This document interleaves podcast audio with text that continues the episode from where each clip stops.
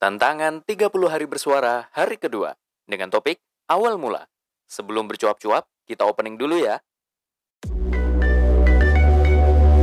Siniar Raji Bersenandung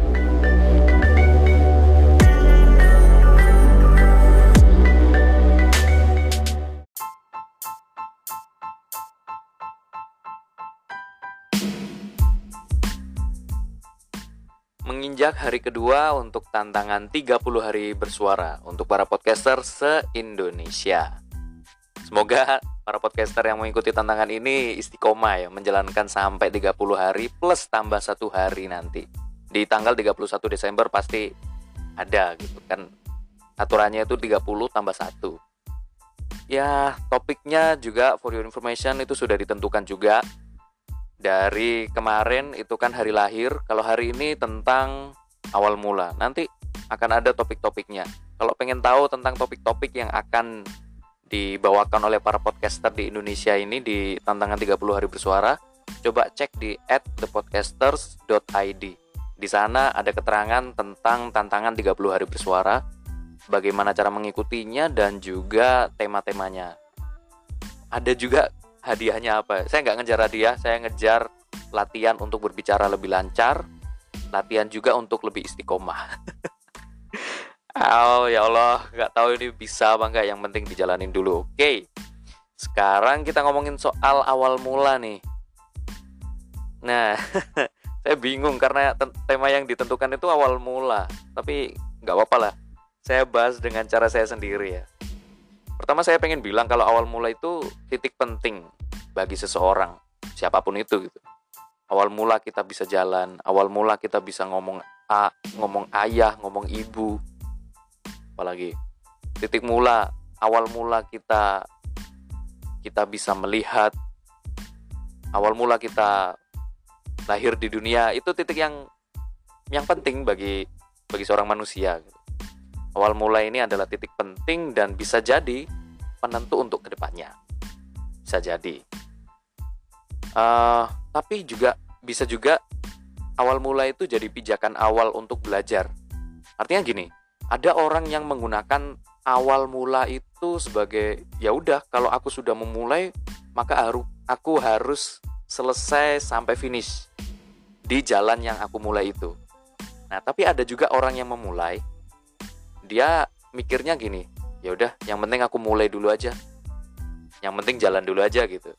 Jalan di tengah jalan kok ada jalan yang lebih bagus. Dia akhirnya memilih jalan yang lebih bagus. Macam-macam memang. Ah saya biasanya jalanin dulu. Tidak terencana. Waduh dari dulu emang suka tidak terencana gitu. Kalau misalkan ngelihat ada sesuatu yang bagus kayaknya bagus nih tapi maksudnya kalau ada sesuatu terus ini bagus langsung saya ambil itu nggak kayak gitu. Nggak saya mikir-mikir dulu gitu. Kalau misalkan ini bagus untuk saya tapi um, mungkin buang-buang waktu dan uang ya nggak perlu sih. Nggak perlu. Buat apa juga gitu. Bagusnya mungkin hanya untuk sekedar memuaskan hati aja gitu. Tapi kalau mungkin harus buang uang tapi untuk investasi ke depan nggak masalah kan. Ya sudah itu akhirnya ada kaitannya awal mula itu dengan pilihan. Dan setiap orang bebas dengan awal mula mereka dan pilihan mereka bebas pokoknya. Uh, saya mau cerita aja deh soal soal awal mula gitu. Ini sebenarnya saya sudah punya list cerita-cerita tentang awal mula. awal mula yang ada di dalam hidup saya gitu. Ada awal mula tentang kenal dunia penulisan fiksi, awal mula kenal dunia penulisan ilmiah. Jadi uh, teman-teman itu banyak mengenal saya seorang Raji itu adalah uh, orang yang suka nulis. Kedua, yang pertama Raji itu orang yang suka bergelut dengan komputer. Nah itu itu sebenarnya dulu sih julukan ini tuh berlaku dulu ketika saya masih sekolah menengah orang-orang bilang saya itu suka komputer kemudian orang-orang bilang Raji itu juga suka nulis sebenarnya nah tapi seiring berjalannya waktu waktu kuliah orang-orang lebih tahu Raji itu suka suka menulis daripada suka komputer. Tapi orang-orang tahu kalau Raji itu uh, ya bagus dalam mengoperasikan komputer. Wajar kalau dalam berbagai kepanitiaan saya pasti megang operator gitu ngoperasin teknis anyway uh, selain awal mula kenal penulisan kenal dengan uh, komputer kenal pula dengan yang namanya organisasi. Nah terus saya juga akan cerita tentang awal mula kenal sama konten-konten. Konten-konten di YouTube podcast kemudian saya juga akan cerita tentang awal mula suka sama lawan jenis. Bukan sama-sama jenis ya tapi lawan jenis lawan jenis. Uh, awal mula pacaran juga awal mula dibully sama sama ini ada satu hal unik nih awal mula saya bikin komik saya pernah loh bikin komik gini-gini maksudnya gini-gini punya skill bikin gambar dan bikin cerita uh, tapi ya nanti akan saya ceritakan lah. Pertama saya akan cerita tentang awal mula kenal dunia penulisan fiksi. Pada pada saat saya menginjak kelas 1 uh, SMP ya. Kalau di pesantren itu satu ya, kelas 1. Waktu itu saya menemukan ada ada satu klub klub permajalahan di bukan sebenarnya bukan klub permajalahan tapi dia memang lembaga lembaga majalah yang mengelola majalah pondok gitu, majalah pesantren. Namanya Itkon. Nah, ada satu teman kelas saya yang ikut di Itkon. Saya penasaran, kok dia itu di kelas bukannya belajar tapi malah suka nulis cerita. Saya tanya lah, kamu bikin apa sih? Saya bikin cerita ini. Aku dan pesantren gitu, bikin tulisannya. Wah, kayaknya keren nih. Aku boleh nggak ikut? Kayaknya seru deh. Kamu datang aja nanti habis maghrib sama saya di kantor Itkon oh Itkon ya oke datang ke sana sampai di sana saya langsung dikasih tugas pertama bikin tulisan bebas tentang aku dan pesantren oke itu tulisan pertama saya. Kemudian berlanjut uh, beberapa minggu saja saya aktif di situ. Terus ternyata saya tidak aktif ya di Itkon nah kelas 2 saya balik lagi daftar lagi. Dan mulai kelas 2 itu saya mulai benar-benar serius untuk jadi anggota IPKON dan uh, menulis, belajar menulis, belajar berkarya gitu. Dan memang fokusannya tulisan-tulisan fiksi sih. Seperti bikin cerpen, bikin puisi. Nah, saya banyak bikin cerpen cuma tidak terlalu sampai serius dan bahkan sampai selesai. Itu kelemahan saya. Bahkan ini sampai kelas kelas 6 eh, di pesantren kelas 6 ini setara dengan kelas 3 SMA tulisan saya yang pernah selesai itu jarang banget kalau bisa sampai selesai itu alhamdulillah sedangkan teman-teman saya bikin puisi itu sampai banyak nah, gini loh saya kalau bikin cerita itu dalam satu buku tebel buku buku tulis tebel ya. Saya bikinlah cerita fiksi ilmiah gitu cerita tentang superhero dan lain-lain. Orang suka bacanya tapi tidak sampai selesai. Tulisan saya tidak sampai selesai jadi orang-orang itu pasti kalau baca loh jeh kok nggak selesai nih? Kok belum selesai? Mana lanjutannya? Nah, nah, nah itu tentang penulisan fiksi. Nah yang sampai bertahan sampai sekarang penulisan fiksinya adalah penulisan puisi bahkan kalau saya lagi gundah gulana atau dalam kondisi emosional saya itu benar-benar terbakar terbakar ya dalam tanda kutip bisa gundah bisa marah bisa senang dan lain-lain itu akan sangat lebih mudah lagi bagi saya untuk menuangkan dalam tulisan puisi. Oke, itu tentang penulisan fiksi ya. Kemudian awal awal mula kenal dunia penulisan ilmiah ini unik unik ini.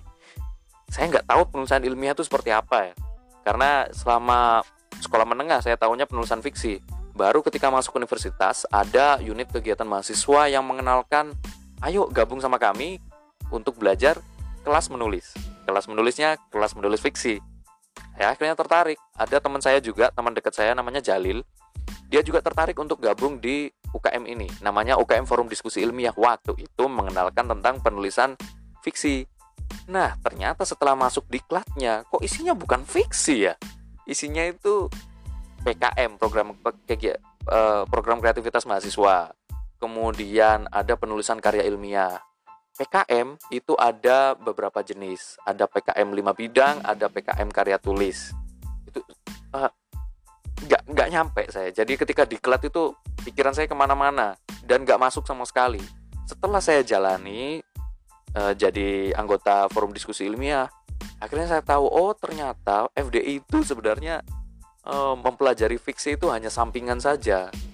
Sedangkan fokus utamanya adalah ke program kreativitas mahasiswa bikin proposal PKM kemudian bikin karya ilmiah bareng-bareng didiskusikan. Makanya namanya forum diskusi ilmiah.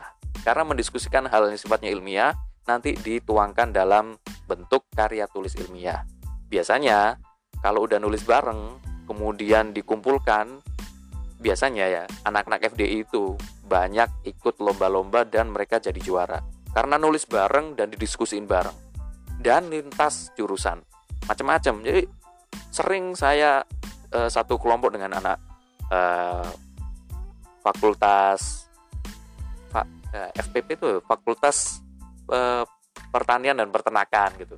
Kadang gabung sama anak-anak fakultas psikologi sama anak ekonomi juga pernah anak fakultas agama Islam juga pernah dan lain-lain macam-macam lintas disiplin enaknya gitu sih ya lama kelamaan eh, FDI ini yang membawa saya akhirnya menjadi lebih serius lagi ketika aku mengerjakan tugas di kuliah. Bahkan tugas saya pernah dibilang paling bagus oleh dosen gara-gara yang menerapkan metode ilmiah, metode penulisan ilmiah yang lebih baik daripada teman-teman yang lain. Ya, saya belajarnya dari FDI sih gitu. ya, gitu sih.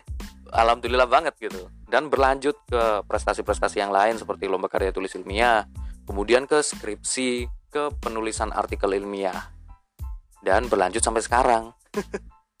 Aduh, kalau udah aktif di dunia akademis kayak gini tuh hal yang sifatnya penulisan ilmiah jadi sudah jadi makanan harusnya kan. Oke, lanjut ke awal mula kenal komputer. Kenal komputer dari dulu saya itu dari sejak kecil. Di rumah itu kan dulu gini ceritanya di rumah itu rumah campur sama percetakan karena ayah saya itu kan punya usaha percetakan gitu. Jadi uh, saya sudah biasa untuk uh, bangun pagi lihat komputer. Karena komputernya dipakai untuk pekerjaan percetakan oleh karyawan-karyawan. Dan itu setiap hari. Nah saya juga diperbolehkan untuk menggunakan komputer. Dari ngetik sampai main game gamenya juga bukan game yang besar sih tapi ya game yang makromedia flash gitu loh. Yang simpel-simpel aja itu nggak apa-apa sih. Kalau menurut saya ya alhamdulillah itu hiburan buat saya. Tapi yang terpenting itu saya jadi ngerti banyak hal. Microsoft Word eh, Microsoft Office itu saya sudah tahu sejak sejak sekolah dasar. Sekolah dasar kelas kelas 3 yang lainnya masih bingung. Teman-teman SD saya itu ketika kelas 5 SD yang lainnya itu masih bingung dalam mengoperasikan komputer di lab. Saya kalau soal ngetik sudah selesai dari dulu. Eh bukan bukan. Maksudnya uh, sudah sudah cepat uh, gimana ya? Ya cepat selesai cepat selesai. Cepat selesai. Uh, bahkan orang tua saya juga nggak terlalu paham komputer. Saya yang lebih paham komputer. Bisa gitu. Bahkan sampai Corel Draw. Waktu itu pertama kali saya tahu Corel Draw adalah Corel Draw 8 tahun berapa ya? Terus software layouting itu ada Adobe PageMaker PageMaker 5 eh PageMaker 5 apa 5,5 ya? Pacemaker 5 kalau nggak salah. 5 5,5 5,5 Gak tau sih silahkan dicek. Ada apa enggak itu? Sekarang udah nggak zaman. Waktu saya kelas 6 di pesantren pakainya sudah bukan Adobe PageMaker lagi tapi Adobe InDesign. Gokil. Berkembang terus gitu ya dan lain-lain sampai sekarang saya jadi tahu banyak hal soal komputer tapi untuk mendalaminya saya nggak masuk jurusan informatika karena tadinya pengen masuk informatika tapi kok ada coding ya?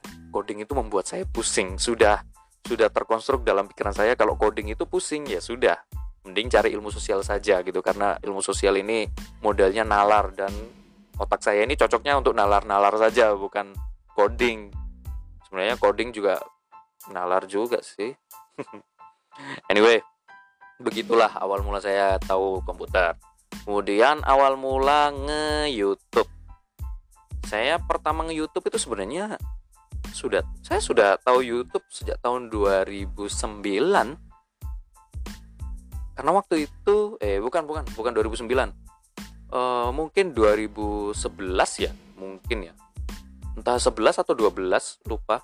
Mungkin 12 karena saya baru paham waktu itu um, email Gmail kita itu bisa terkoneksi ke YouTube. Karena waktu itu YouTube sudah diakuisisi sama Google gitu jadi terkoneksi.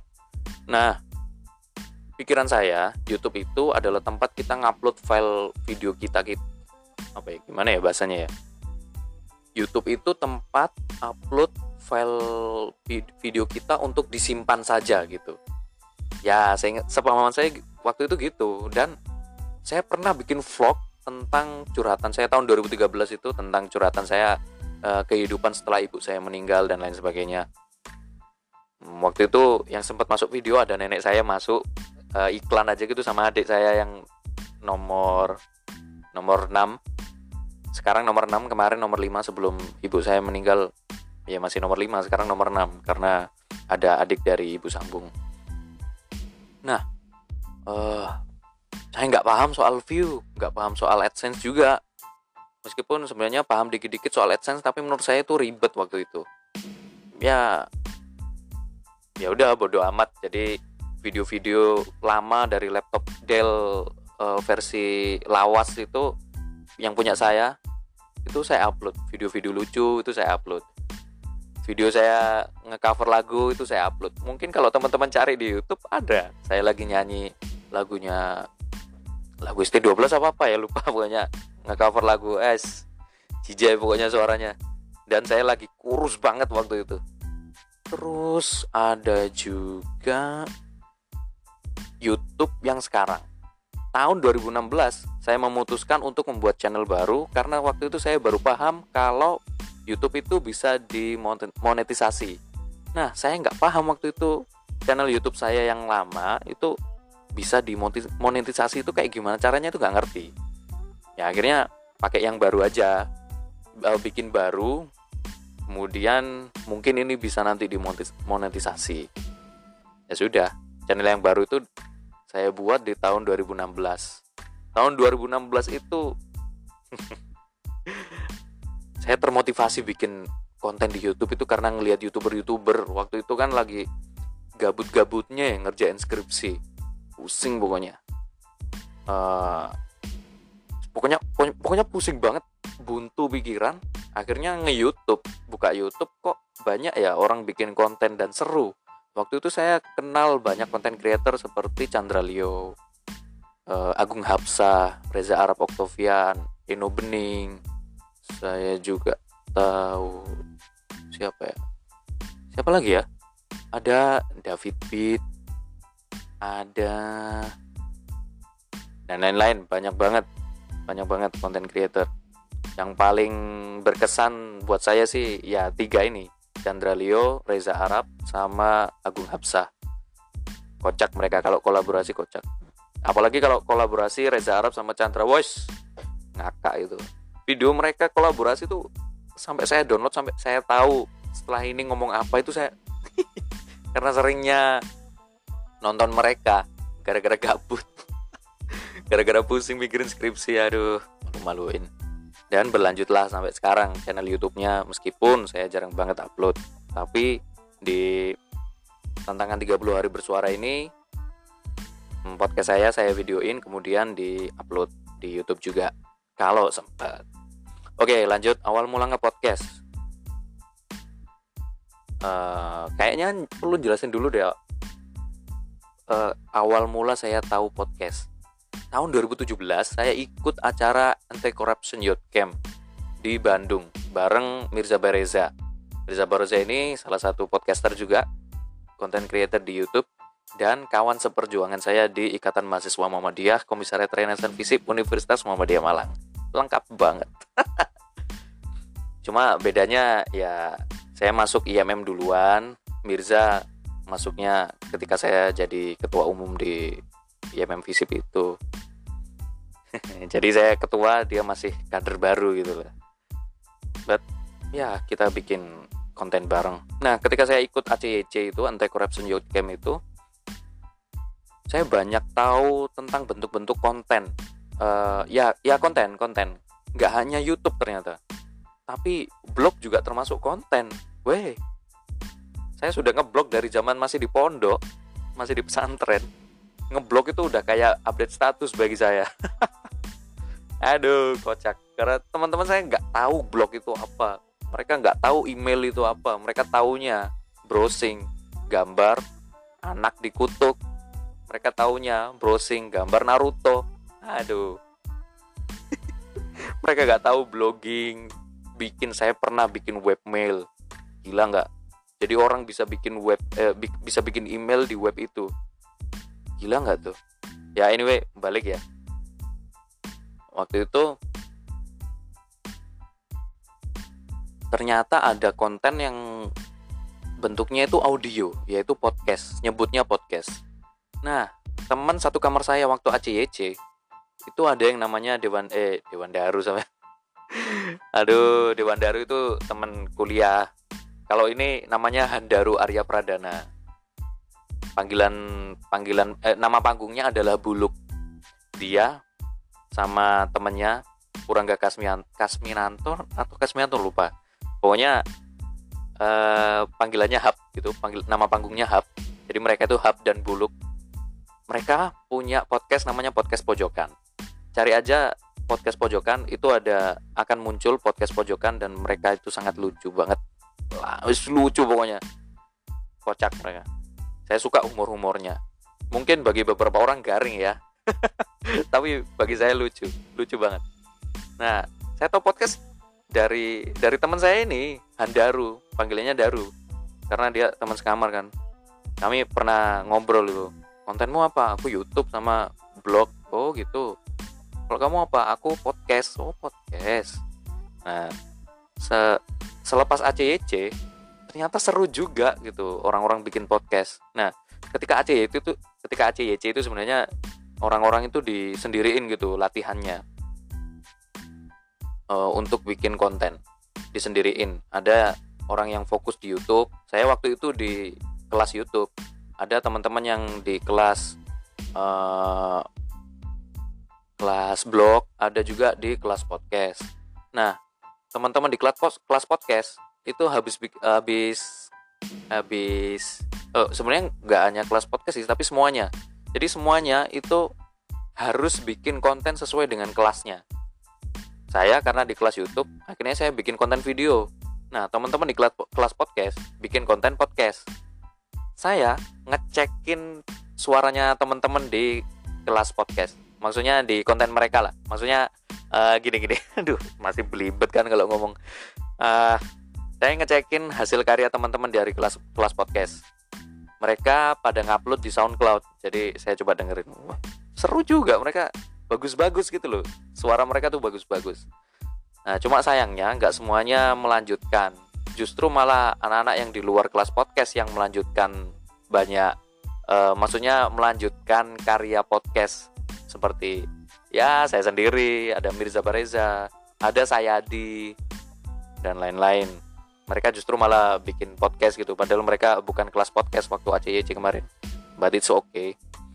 Uh, oh iya, pembimbing kelompok saya sama Mirza, Mas Rivo justru, justru juga ikut bikin podcast juga, podcast Dharma Bicara nanti silahkan dicek. Podcastnya Mirza, podcast Mirza Mirza Bareza.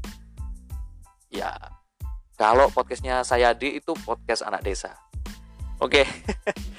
uh, eh, itu tentang awal mula nge podcast. Kemudian berlanjut sampai oh gini gini. itu kan awal awal mula tahu podcast ya. Awal mula nge podcast saya itu dengan SoundCloud dan model nge podcastnya itu pakai kayak kayak Najwa Sihab gitu loh ngomongnya. Jadi uh, diksinya benar-benar dipikirkan kemudian akhirannya itu sama lalu isinya itu seperti Mary Riana motivasi. Dan ada backsound yang ya backsound backsoundnya bagus sangat mendukung. Cari aja di SoundCloud Raji Aragi pasti ada. Cuma masalahnya itu cuma bertahan sampai 8 episode. Karena saya nggak bisa untuk bisa istiqomah uh, istiqomah untuk bikin konten yang seperti itu itu. Sulit itu ya Allah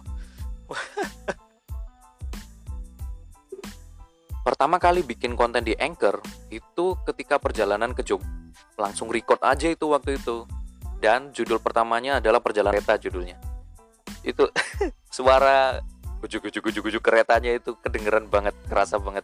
Jadi orang-orang kalau dengerin katanya ini rasanya kayak emang kayak naik kereta ini karena memang ngepodcastnya di kereta. Sambil pakai earphone kemudian ada suara keretanya masuk ya nggak tahu itu. Ya didengerin aja coba. Seru apa enggak silahkan menilai sendiri. Dan berlanjutlah sampai sekarang. Saya awal ngepodcast ya pakai alat seadanya pakai handphone saya handphone Vivo ini. Kemudian pakai earphone. Sekarang ngepodcastnya pakai mikrofon BM 800 plus ada gagangnya plus ada sound cardnya ya semoga suaranya lebih jernih. Oke itu tentang ngepodcast ya. Awal mula ngepodcast. Sekarang awal mula suka sama lawan jenis ya Allah ini udah hampir setengah jam loh aku cerita. Oke lah. Oke dipersingkat dipersingkat ya dipersingkat. Awal mula suka sama lawan jenis itu ketika saya SD SD kelas 1 SD kelas 1 ya Allah. Ya soalnya waktu itu ada anak anak perempuan satu kelas sama kami emang eh, maksudnya satu kelas sama saya dan teman-teman yang lain gitu. Maksudnya satu kelas di kelas 1 SD itu cantik banget dia meskipun gak pakai jilbab ya tapi cantik banget. Dan waktu itu ketika jam istirahat kami lupa ya lupa lupa gimana ceritanya waktu itu. Sehingga saya sama satu teman saya namanya Ami. Ami ini cowok ya. Itu rebutan si cewek ini bahkan kami coret-coret di tembok uh, Ami love si cewek ini.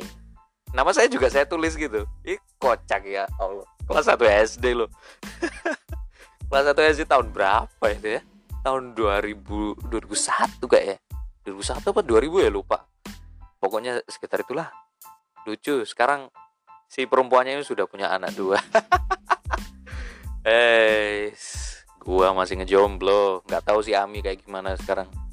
Oke itu awal suka sama lawan jenis. Awal mula pacaran. Wah ini. Awal mula pacaran saya pacaran cuma seminggu disuruh putus sama orang tua di sidang di ruang tamu diliatin adik-adik. Saya putus lewat telepon sambil nangis.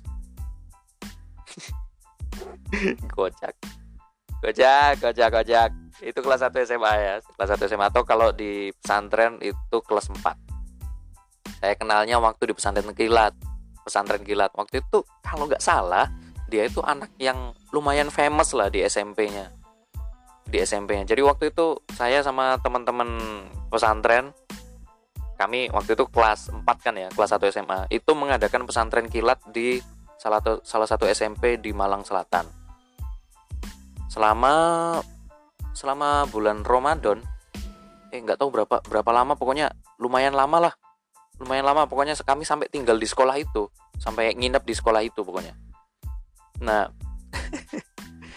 eh singkat cerita saya bertemu dengan seorang perempuan yang agak famous gitu di situ.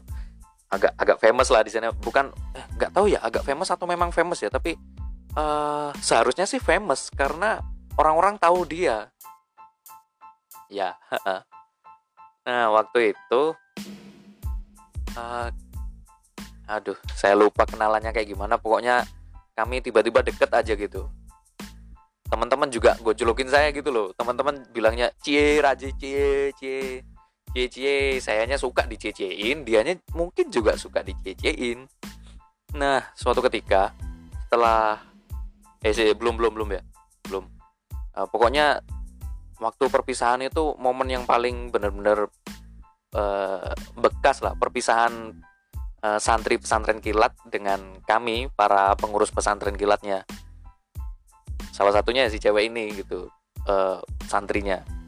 Nah karena kami itu kayak kayak udah deket banget gitu sering ngobrol bahkan oh bahkan pernah waktu itu kami oh kami eh, gini waktu itu pernah saya keluar keluar dari dari sekolah untuk ketemu sama dia. Iya nggak sih? Eh lupa. Bentar, bentar, bentar. izinkan saya mengingat waktu itu ya masa lalu ya. Aduh mengingat masa lalu yang sudah dikubur itu sulit. Ini gini nih oke oke oke. Jadi gini ceritanya ah pesantren kilat itu saya nggak yakin itu lama. Sebulan gitu nggak yakin ya mungkin seminggu atau cukup beberapa hari lupa.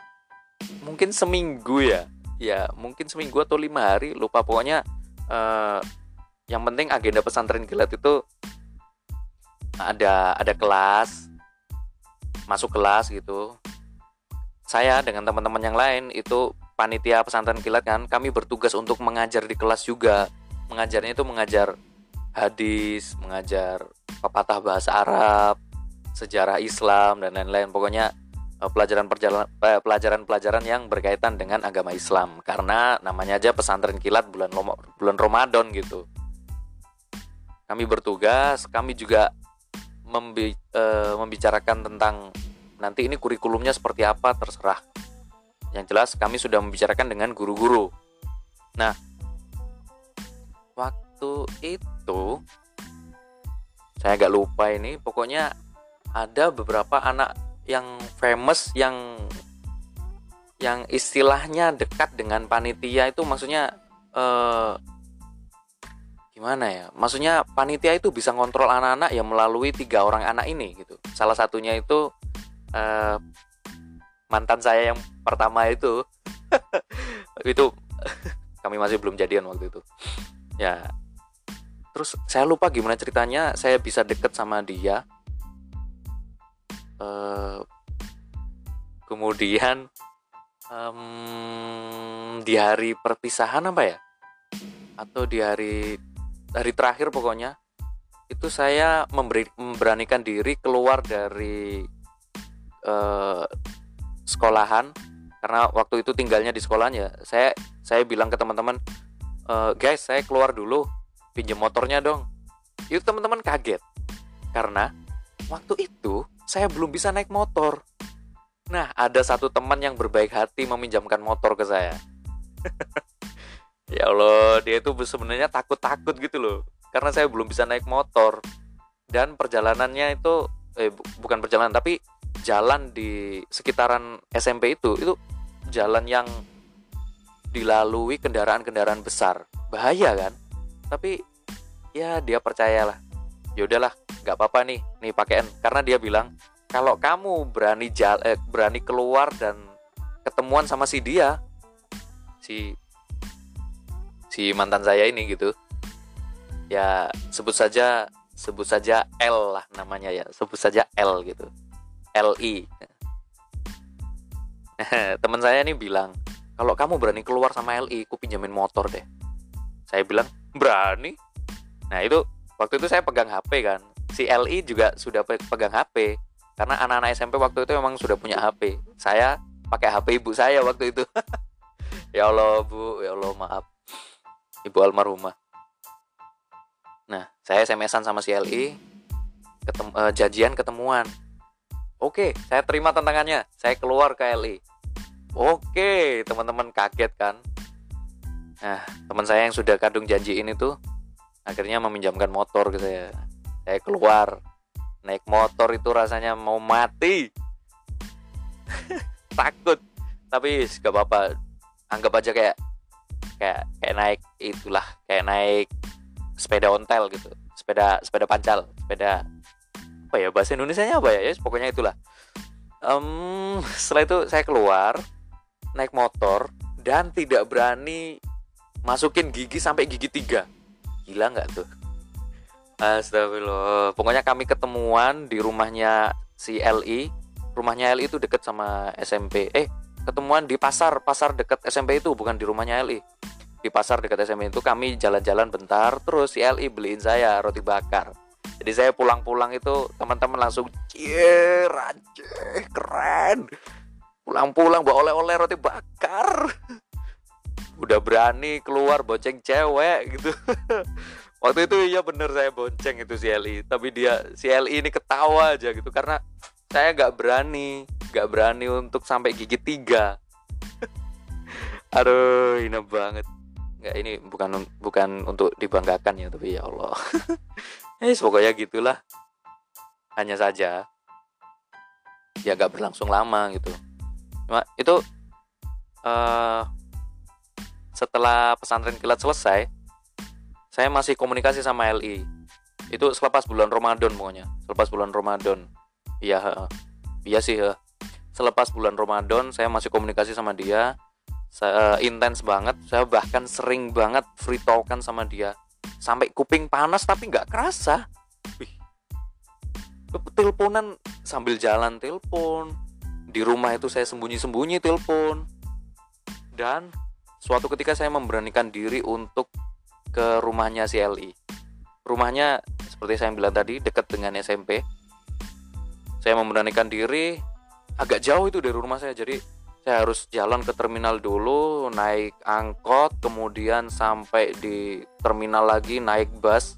Kemudian saya turun turun di di depan gang rumah dia. Yaudah perjalanan lumayan lama sampai di depan gang rumah dia saya ke rumahnya disambut baik. Kami ngobrol-ngobrol dan lain-lain. Lalu saya diajak jalan-jalan bentar terus saya pulang. Sebelum pulang dia tanya kakak suka nggak sama aku? Aduh jijai banget sih. Jijai jijai. Uh, aduh aduh cerita masa lalu. Ya Allah rasanya. Uh, uh. oke oke oke. Gini gini. Dia tanya kayak gitu kan. Terus saya jawab sambil saya naik angkot sambil angkotnya mau berangkat saya mengangguk iya gitu. dari situlah kami resmi pacaran. Dan kami sering semakin sering untuk free talkan. Waduh. Waduh waduh waduh waduh waduh waduh. Semakin sering free semakin sering berkomunikasi. Suatu ketika seminggu setelah saya ke rumahnya si LI suatu ketika ya suatu sore ada telepon dari LI di HP ibu saya. Kan waktu itu saya nggak punya HP jadi pak masih pakai HP-nya ibu saya dong. Di HP ibu saya bunyi. Ibu saya ngangkat. Halo ini siapa? Kak Rajihnya ada. Waduh ibu saya kan kaget gitu loh. Karena dia taunya anak sulungnya itu nggak kenal sama perempuan. Tapi kok ini ada perempuan wes akhirnya saat itu juga saya disidang. Disidang ketahuan gitu loh ketahuan ini siapa? Itu perempuan saya jadian sama dia bla bla bla dan lain sebagainya. Wes dimarahin sama ayah sama ibu. Adik-adik waktu itu ngeliat hmm, saat itu juga saya disuruh telepon gak pakai HP tapi pakai telepon rumah. Saya telepon sambil nangis si LI nya juga nangis dia bilangnya masih ingat saya itu oh kakak lu cinta pertamaku tapi kok kenapa kok gini? Lalala dan sebagainya. Aduh ah, masalahnya ya sama kalau soal cinta pertama ya. Sama lah gitu loh. Saya nggak pernah pacaran itu pertama kalinya saya pacaran gitu loh. Oh ya ya sudah. Sekarang si Ali sudah menikah dan sudah punya anak satu dan uh, tinggalnya tidak di Malang lagi tapi di di Bali kalau nggak salah. Ya di Bali. Semoga semoga kamu tetap bahagia kalau kamu dengerin ini. Nggak masalah. Aku aku sih ikhlas kok. Nggak masalah. Kan cuma cuma seminggu pacarannya. Tapi ya itu momen yang lumayan berharga. Jadi pelajaran juga buat saya gitu. Kalau oh ternyata pacaran tuh seperti ini saya akhirnya jadi tahu bagaimana memadu kasih itu seperti apa gitu. Dan lain-lain.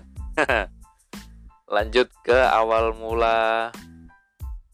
Awal mula dibully. Saya dibully sejak SD sih. Ya dibully sejak SD sering nangis juga. Di pesantren kelas kelas 2 itu saya mulai dibully lagi. Tapi kelas 2 eh, setengah tahun di kelas 2 awal itu memang dibully tapi di setengah tahun terakhir saya tidak dibully karena sudah pindah pindah lingkungan baru gitu loh. Yang mereka itu tidak ngebully lebih friendly. Kemudian awal bikin komik nah ini di SD itu saya berteman sama seorang hmm, seseorang namanya Galang Amrullah. Dia itu pandai banget ngegambar dan bikin komik. Gara-gara dia bikin komik saya akhirnya termotivasi untuk bikin komik juga. Nah saya bikin komik tokohnya itu Galang. Nah uh, waktu itu banyak buku tulis kosong hasil cetakan yang gagal gitu di karena di rumah kan percetakan ya. Itu saya pakai dan nggak apa-apa sama ayah saya gitu. Buku kosong ini saya pakai untuk pelajaran di sekolah nah saya ambil satu buku kosong lagi untuk khusus bikin komik. Sampulnya kosong kan? Kosongan gitu. Sampulnya saya gambar anak pakai topi bawa sepeda pakai baju SD waktu itu udah bisa gambar loh gua. Keren gitu. Namanya nama komiknya Galang. Kalau orang-orang kan nama komiknya One Piece Naruto Yu-Gi-Oh! Ini nama komiknya Galang ibu saya tuh bangga banget gitu loh. Saya saya bisa bikin komik seperti itu. Seneng banget. Saya ingat banget tuh. Ya apa komiknya? Wah pinter gambar saya gitu nah terus saya bikinlah komik tentang Galang perjalanan uh, ya petualangan-petualangan kecil-kecil. Tapi uh, hanya sekedar lucu-lucuan aja gitu loh. Kan sekarang banyak komik yang di Instagram ya. Komik cuma 4 4 episode gitu 4 4 potongan nah saya juga bikin komik seperti itu. Misalkan Galang kesandung batu misalkan. Atau Galang ketemu tikus. Lucu. Galang naik sepeda. Galang ke sekolah gitu. Ini cuma itu itu aja. Lucu ya. Itu SD tapi uh, semenjak saya lulus kelas 6 SD ya nggak nggak lanjut lagi karena lulus itu saya nggak ketemu Galang ya tapi sebenarnya saya sama Galang itu juga lanjut di pesantren juga. Cuma nggak nggak nggak ini gitu loh nggak nggak satu pesantren. Gimana sih? Ini loh uh, kan saya masuknya di pesantren Gontor ya. Sama Galang juga sama teman saya juga Nova Narsasila juga masuk di situ. Ahmad Ramadan juga masuk di situ. Teman saya juga. Satu angkatan itu ada empat orang yang masuk pesantren Gontor. Nah yang ditempatkan di Gontor pusat itu saya sendiri eh saya sama Novan saya sama Novan sedangkan Galang itu ndak eh si si si ya Novan Novan Novan juga deh saya sama Novan itu masuk di Iya, saya sama Novan di Gontor Pusat karena satu J, saya satu J, Novan satu N kalau nggak salah. Nah, sedangkan Galang sama Ahmad Ramadan itu ndak masuk di Gontor Pusat. Makanya kepisah gitu. Jadi habit menulis atau bikin komik kami itu jadi nggak nggak nggak bisa dilanjutkan gitu loh. ya begitulah. Dan lain-lain hal yang berhubungan dengan awal mula itu adalah hal yang benar-benar membuat saya belajar banyak. Saya bisa ini bisa itu bisa tahu ini bisa tahu itu. Ya semuanya itu berawal dari awal mula. So pesan saya adalah jadikan awal mulamu itu menjadi langkah tanpa keraguan. Mulai awal mulamu mulai saja. Tapi silahkan. Silahkan melangkah dengan kesiapan penuh. Silahkan nggak apa-apa. Atau seperti yang saya bilang tadi melangkah mantap dengan semangat yang penting jalanin aja dulu nggak apa-apa. Apa pun apa pun alasannya itu nggak masalah. Yang penting udah mau memulai itu sudah sangat baik awal mula adalah titik yang sangat istimewa dalam hidup kita titik emas karena dia akan menentukan selanjutnya kita akan melangkah bagaimana dan ke mana mau tetap di jalan itu atau berubah ke jalan lain yang lebih baik atau mungkin bahkan kita bisa terprosok ke jurang. Itu semua bergantung pada pilihan kita. Terima kasih, sampai jumpa di episode berikutnya di dalam tantangan 30 hari bersuara.